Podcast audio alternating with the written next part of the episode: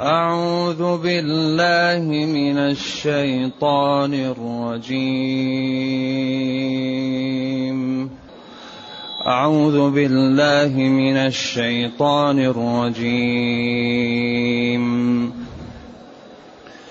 بسم الله الرحمن الرحيم.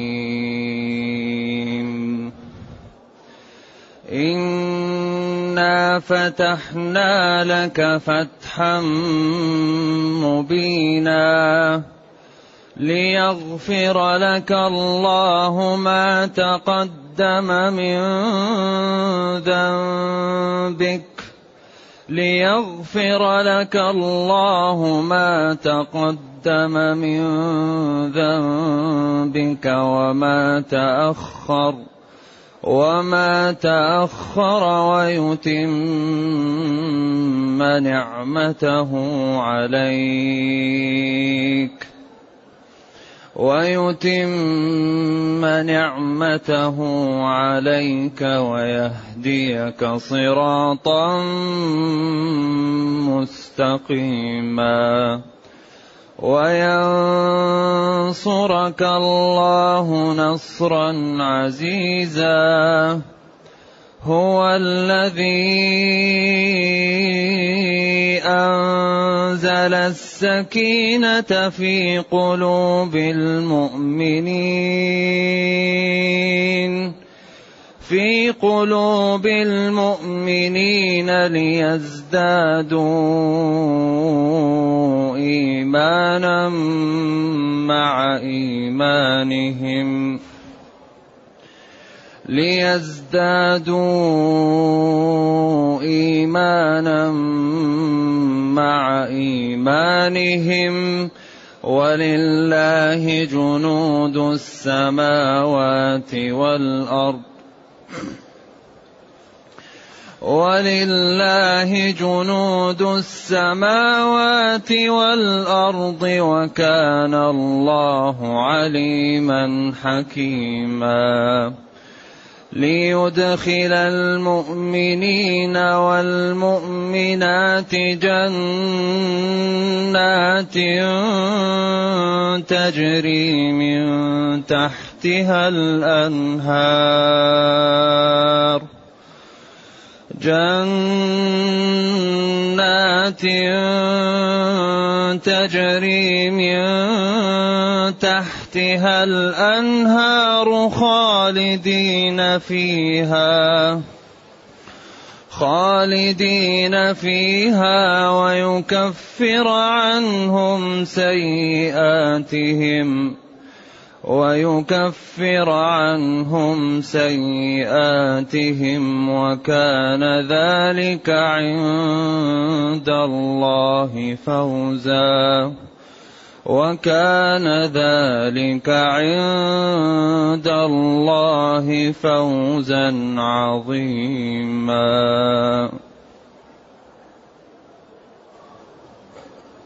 الحمد لله الذي أنزل إلينا أشمل كتاب وأرسل إلينا أفضل الرسل وجعلنا خير أمة أخرجت للناس فله الحمد وله الشكر على هذه النعم العظيمة والآلاء الجسيمة والصلاة والسلام على خير خلق الله وعلى آله وأصحابه ومن اهتدى بهداه.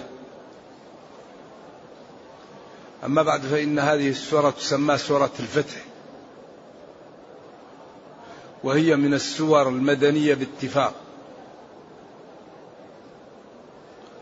وكان لسبب نزولها قصة وهو أن النبي صلى الله عليه وسلم ذهب إلى مكة للعمرة وبصحبته ألف وأربعمائة فارس أو خمسمائة. وجاء لمكان يسمى الحديبية. معروف. فنزل هناك. وأرسل عثمان بن عفان للتفاوض مع قريش وإخبارها أنه جاء معتمرا ولم يأتي لقتال. فلما جاء عثمان وهو من ممن هو له جذور قوية في مكة وله أقارب وله منع وشوكة. احتفوا به قومه وأكرموه. وأشيع أنه قتل. فجاء الصحابة وبايعوا على الموت. بايعوا على الموت تحت الشجرة التي في الحديبية. ثم بعد ذلك انكشف أن عثمان لم يقتل. وإنما احترم وجاءوا وتفاوضوا وكان هذا العقد الذي عمل تألم منه كثير من المسلمين حتى قالوا نرضاه الدنية وكان هذا الصلح صعب على نفوس المسلمين وكانوا في كآبة وحزن وألم لأنهم لا يعلمون الغيب. ورأوا في الظاهر أن هذا فيه غمط لهم ومنعهم من الدخول ونحروا هديهم قبل الدخول لمكة في طرفها وحلقوا ورجعوا. وكان عمر يكلم النبي صلى الله عليه وسلم ولا يرد عليه وكلمه ولم يرد عليه حتى خاف عمر وأسرع بجمله ناقته. فإذا هو عمر ينادى في الصباح وقال خفت أن يكون نزل في وحي. فإذا هو نبينا صلى الله عليه وسلم يتلو عليهم إنا فتحنا لك فتحا مبينا إنا فتحنا إنا الله فتح فتحنا لا غيرنا إنا فتحنا لك يا نبي فتحا مبينا واضحا لا لبس فيه. وكانت حقيقة ذلك أن قريش اعترفت بالمسلمين وفاوضتهم وأصبح المسلمون قوة ولهم كيان يفاوضوا ويقفون. ثم إنه أمن الناس فأصبح من يريد أن يدرس عن الإسلام له طريق. كانوا يقفلون على من يريد أن يأتي ليفهم ويخاف. وأصبح الناس يذهبون ويأتون. وفي خلال سنتين دخلت أفواج في دين الله كثيرة حتى إنه رجع لمكة بعشرة آلاف فارس بعد سنتين.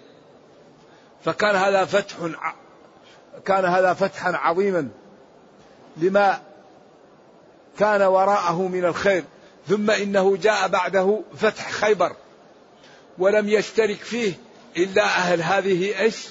إلا أهل هذا الصلح الذي لم يكن هناك لم يذهب إلى خيبر ثم جاء بعد ذلك فتح مكة ثم جاء بعد ذلك أنه غفر له ما تقدم من ذنبه وما تأخر ثم ما قوى الله به المسلمين من انشراح الإيمان ومن النشاط للدين فكان فتحا بعد فتح بعد فتح بحيث أصبح مبينا لا لبس فيه. نعم. ولذلك كان يقال أكبر فتح هو نفس صلح الحديبية.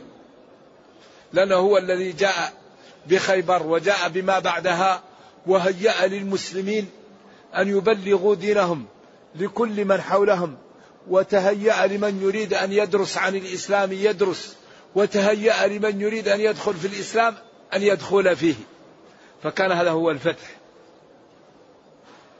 إذا إنا الله تعالى فتحنا أي الله تعالى لك يا نبي فتحا واضحا مبين الفتح حين هل هو يعني المقصود به النصر المقصود به التمكين المقصود به ما حصل؟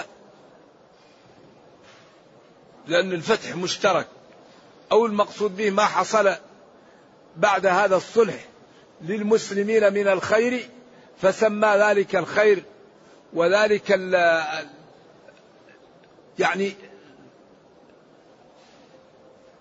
الأمور التي جاءت للأمة سماها فتح. بعدين قال لي يغفر لك الله.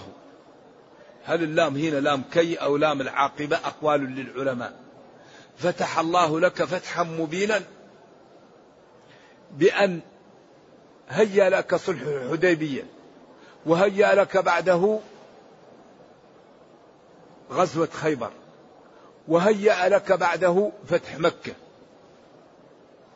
وكل هذا وراء بعض وكان بدايته صلح الحديبية فكان هذا فتح مبينا وعمل ذلك ليغفر لك ما تقدم من ذنبك وما تأخر. نعم. لتقوم. بما أمرك به ربك وتمتثل تلك الأوامر وتجتنب تلك النواهي وتنفذ تلك الصعاب فيكون ذلك العمل سببا في رفع درجتك وفي إعطائك ما لم يعطى لغيرك فيغفر لك بذلك ما تقدم من ذنبك وما تأخر. لأن هذا الفتح وهذا الأمر كان فيه صعوبة على النفوس وأنت جاسرت عليه. كيف نقبل الدنية؟ عمر يقول له أبو بكر يقول له يا عمر إنه رسول الله إنه رسول الله. وقال له كيف نرضى هذا؟ قال له أنا لا أخالف ربي. عمر بعدين يقول الحمد لله الذي لم تنزل علي الصاعقه بعدين أصبح هذا الذي كانوا يحزنون منه ويتألمون. فتحا مبينا. ولذلك قال تعالى عسى أن تكرهوا شيئا وهو خير لكم. عسى أن تكرهوا شيئا ويجعل الله فيه خيرا كثيرا. الصحابي الذي يقال إنه نوى فراق زوجه فسمع تاليا يتلو عسى أن تكرهوا شيئا ويجعل الله فيه خيرا كثيرا. فمسك زوجه. ثم ولدت له مولودا أصبح من الفقهاء السبعة. سالم. فيقال إن أباه أصبح ينظر إليه ويقول صدق الله العظيم صدق الله العظيم. عسى أن تكرهوا شيئا ويجعل الله فيه خيرا كثيرا. كره زوجه وأراد فراقها فسمع الآية فمسكها فولدت له من كان من الفقهاء السبعة فأصبح ينظر إلى ولده ويقول صدق الله صدق الله. لذلك إذا كان هذا فتح مبين. وكان بعده صلح الحديبية بعد صلح الحديبية غزوة خيبر ولم يذهب فيها إلا من كان في هذا الصلح وأراد بعض المنافقين وضعيفي الإيمان يذهب فقالوا لا لا لا تذهبوا أبدا. خالصة لهؤلاء. وينصرك الله ليغفر لك الله ما تقدم من ذنبك. بما كلفك به ربك وبما قمت به من المشاق فارتفعت درجتك فغفر لك ما تقدم من ذنبك وما تأخر. ويتم نعمته عليك بدخول الناس في الإسلام وبإعزاز الدين وبإعلاء كلمة الله ودينه وبدحض الكفر وبجعل دين الله هو الذي له الغلبة والقوة. نصرا عزيزا مؤزرا هو لا غيره جل وعلا. الذي أنزل السكينة الطمأنينة في قلوب المؤمنين بعدما كانوا في قلق وألم وحسرة. ويتم نعمته عليك بفتح خيبر وفتح مكة وبدخول الناس في الإسلام بما حصل. ويتم نعمته عليك بجعل الإسلام هو الذي يعلو. ويتم نعمته عليك ويهدي ويوفقك ويرشدك إلى الصراط المستقيم وهو الإسلام. هو جل وعلا الله الذي أنزل السكينة الطمأنينة والأمن والانشراح وقوة الإيمان وقلب ما كان في قلوبهم أصبح سكينة وإيمان وارتفعوا في قلوب المؤمنين إيش؟ ليزدادوا إيمانا مع إيمانهم. إذا الله تعالى نصرك ووفقك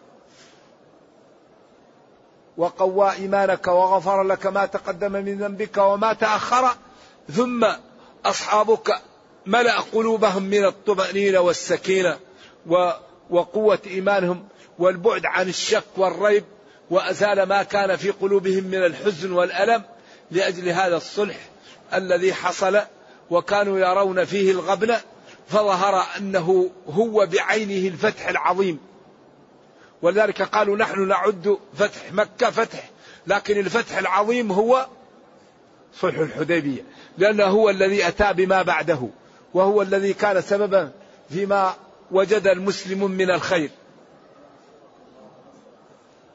وينصرك الله نصرا عزيزا قويا مؤزرا. أيوه. انصرك الله نصرا أي عزيزا قويا لا غلبة بعده ولا قهر. ولذلك من بعد الحديبية والإسلام إيش؟ في صعود. بدر. لكن بدر جاءت بعد أحد كانت شوية. لكن من يوم الحديبية والإسلام يزيد يزيد. حتى فتحت مكة فدخل بعد ذلك الناس في الدين ثم جاءت تبوك وبعد ذلك جاءت الوفود ودخلت الجزيرة تقريبا في الإسلام. ولذلك نعي النبي صلى الله عليه وسلم لنفسه في سورة النصر. إذا جاء نصر الله والفتح ورأيت الناس يدخلون في دين الله أفواجا فاعلم أن مهمتك انتهت وقمت بالواجب وما أمرت به فسبح بحمد ربك واستغفره فإنك منتقل إلى الرفيق العلاء فإنه كان توابا. نعم. هو لا غيره جل وعلا الذي أنزل الطمأنينة والتثبيت في قلوب المؤمنين ليزدادوا إيمانا. مع إيمانهم السابق. ولذلك الإيمان يزيد وينقص عند أهل السنة. والذي يقول أن الإيمان لا يزيد ولا ينقص هذا مخالف للسنة. وإذا تليت عليهم آياته زادتهم إيمانا. وبعدين قال ليزدادوا إيمانا مع إيمانهم. الإيمان قول وعمل واعتقاد. يزداد بالطاعة وينقص بالمعصية. لا يزني الزاني حين يزني وهو مؤمن ولا يسرق السارق حين يسرق وهو مؤمن أي كامل الإيمان. إذا الإيمان قول باللسان واعتقاد بالقلب وعمل بالجوارح هذا هو الإيمان.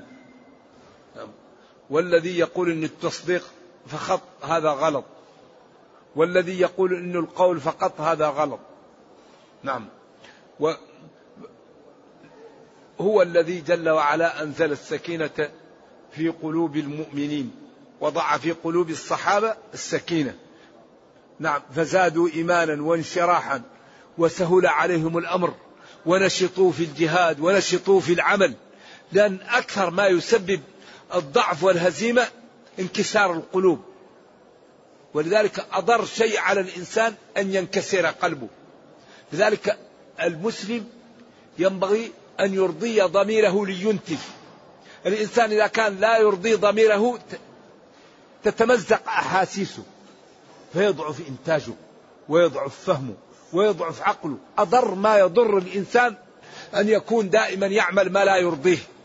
هذا مضر للإنسان لصحته ولعقله ولفهمه. وأنفع ما ينفع الإنسان أن يكون دائما يعمل بما يراه صحيحا. فإذا رضي عن نفسه وأرضى ضميره انشرح للصلاة وللصوم وللعبادة ووجد الخشوع ووجد الإخلاص وعمل فلذلك ينبغي للمسلم أن لا يفعل ما لا يؤمن به. لأن الذي يفعل ما لا يؤمن به هذا يسبب له تمزيق للأحاسيس. ويضعف إنتاجه ويضعف قوته ويضعف أمام الآخرين. فذلك ما تؤمن به أفعله. ما لا تؤمن به لا تفعله. المنافق ضعيف خواف في الدرك الأسفل من النار. ينبغي للإنسان أن يعمل ما يؤمن به. وإذا كانت عنده إشكالات أو شبه يذهب لمن يثق به ليزيلها عنه حتى يقوى إيمانه ويكمل. ولا يسكت على الشبه وعلى الإشكالات التي تضعف إيمانه وتعوقه عن العمل وتجعله مشوش حتى ينقص عمله وينقص إنتاجه. لذلك أي شيء يشكل للمسلم ينبغي أن يسأل عنه. قال تعالى فاسألوا أهل الذكر إن كنتم لا تعلمون. قيل لابن عباس بما حفظت العلم؟ قال بقلب عقول ولسان سؤول.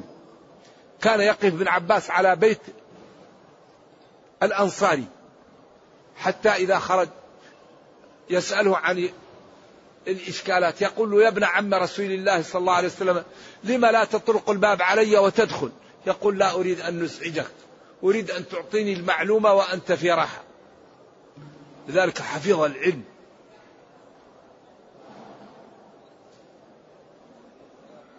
ليزدادوا إيمانا مع إيمانهم السابق. بعدين طمأن وأخبر ولله جنود السماوات والأرض. ملائكة. الرياح. جنود لا وما يعلم جنود ربك إلا هو.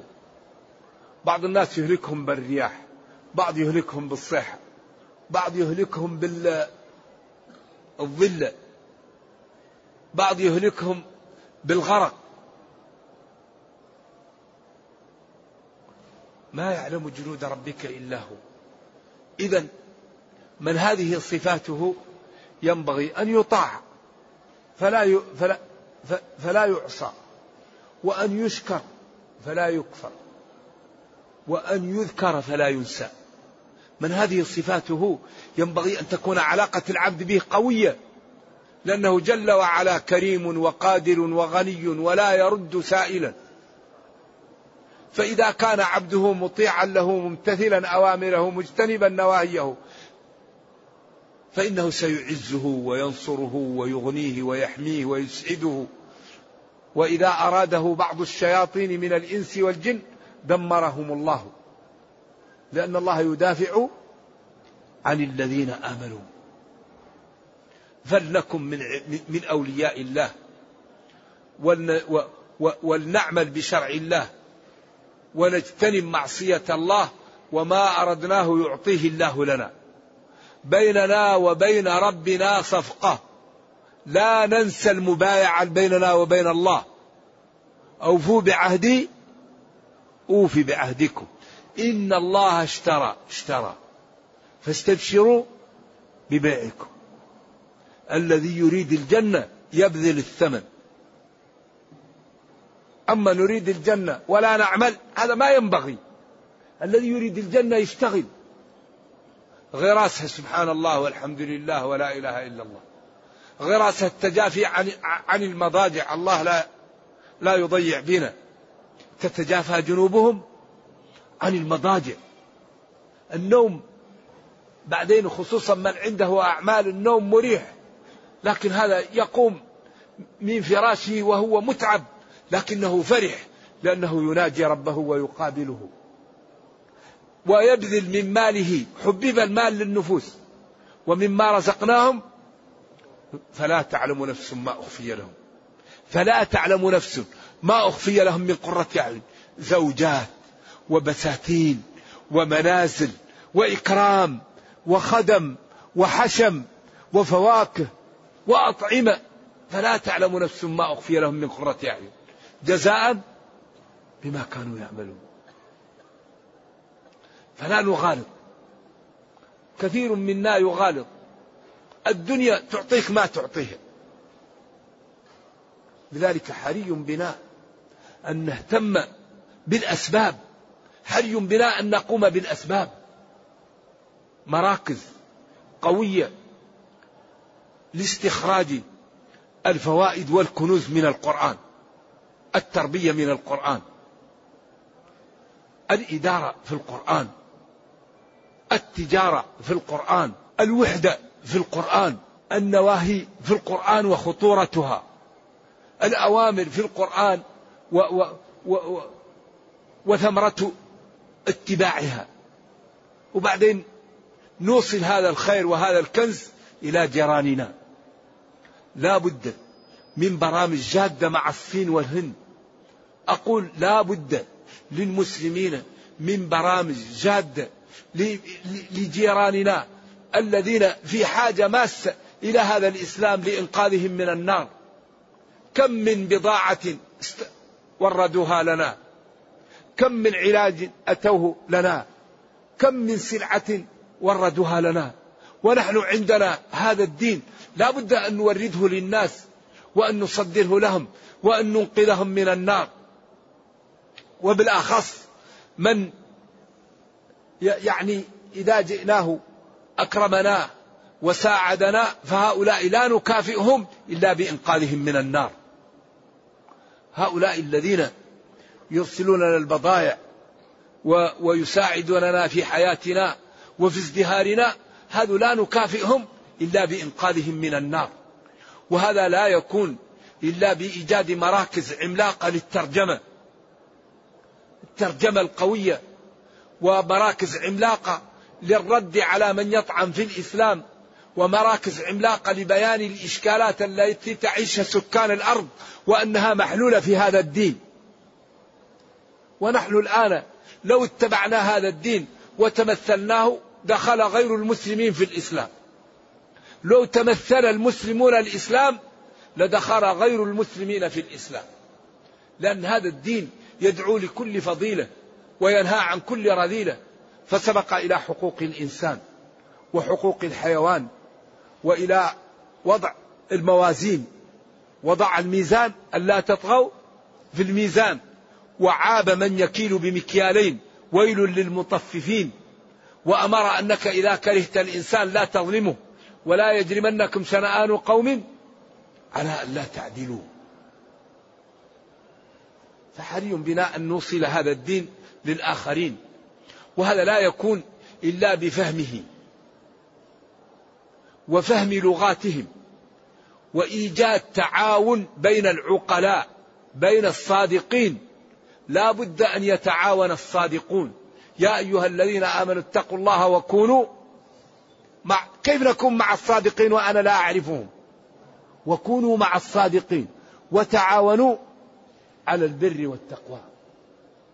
لا بد من برامج جادة لإنقاذ البشرية. البشرية لا ينقذها إلا الإسلام. الإسلام هو الحل. لأنه نظام جاء من عند الله. والله هو اللي خلق البشر. فنظام خالق البشر هو الذي يصلح البشر. أما نظام الوضعي فالذين وضعوه عاجزون لأنهم أولا ينظرون إلى مصالحهم ولا ينظرون إلى مصالح الجميع وفي النهاية عقولهم وإدراكاتهم محدودة فكثير من المسائل تغيب عنهم ولا يستطيعون أن يجدون حلا لها أن يجدوا حلا لها. أما نظام السماء فهو الذي يحل مشاكل أهل الأرض لأنه هو الذي خلق أهل الأرض وهو الذي يعلم جل وعلا ما يصلح الأرض فنظامه هو الحل. فلذلك لا بد أن نوصل هذا النظام وهذا الدين للبشرية بطريق لا يكون فيها غبش ولا فيها تشويه ولا فيها تزوير على الدين. الدين يدعو لكل فضيلة وينهى عن كل رذيلة. لذلك بعض الآن الذين دخلوا في الإسلام لو تعمل لهم استبيان تجد أغلبهم دخلوا في الإسلام بسبب القرآن. أحدهم سألوه ما سبب إسلامك؟ قال قول الله تعالى إن أكرمكم عند الله أتقاكم. قال هذا الكلام خارج عن البشر. لأن كل شريحة من البشر تقول نحن أحسن من غيرنا. إذا أكرمكم عند الله أتقاكم. هذا كلام خارج عن البشرية. الثاني قال كيف دخلت في الإسلام؟ قال لقول الله تعالى أولم ينظروا في ملكوت السماوات والأرض وما خلق الله من شيء؟ هذا قال كلام كبير. والسماء بنيناها بأيد قال هذا ما هو كلام بشر. هذا كلام كبير. ولذلك قال أفلا يتدبرون القرآن؟ فهو دين يعني فيه من القوة ما يقنع البشرية ولكن المشكلة الكبيرة أن المسلمين يحولون بين الكفار وبين الإسلام.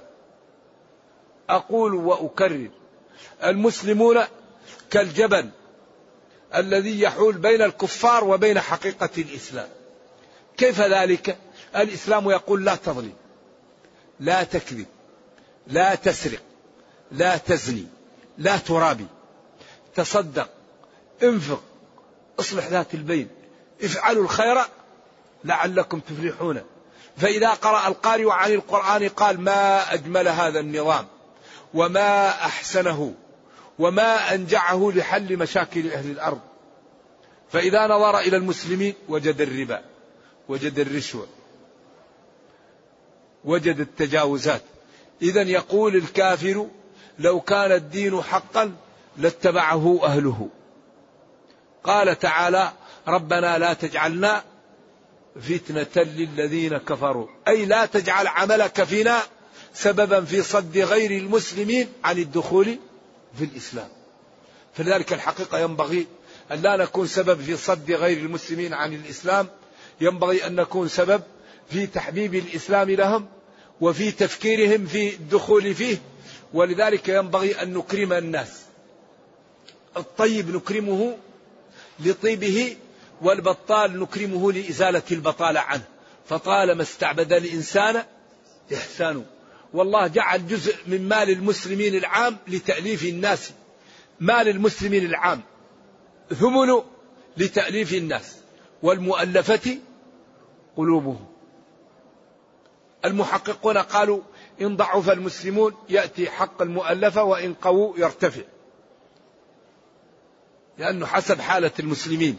فلذلك ينبغي أن يكون لنا تأليف للناس للدخول في الإسلام وبالأخص الأذكياء وبالأخص الأقوياء نؤلفهم حتى يدخلوا في الإسلام. ولذلك قال نبينا صلى الله عليه وسلم اللهم قوي الإسلام بأحد العمرين. هذا تفكير استراتيجي للأمة وللإسلام. ينبغي أن يكون لنا يعني تفكير لإدخال الأذكياء في الإسلام والأقوياء. حتى إذا دخلوا في الإسلام أصبح إنتاجهم للإسلام كبير. وهذا الدين يمشي. كل ما ضرب يقوى. كل ما ضرب يقوى. ما يمكن هذا دين الله. ما يمكن أبدا أن يقاوم الإسلام. إلا بتجهيل المسلمين أو منعهم من أن يبينوا لا يقاوم الإسلام إلا بأحد أمرين. أن يمنع المسلم من بيان الإسلام ويقال له لا تبين ولا توضح أو يكون المسلم جاهلا بالإسلام.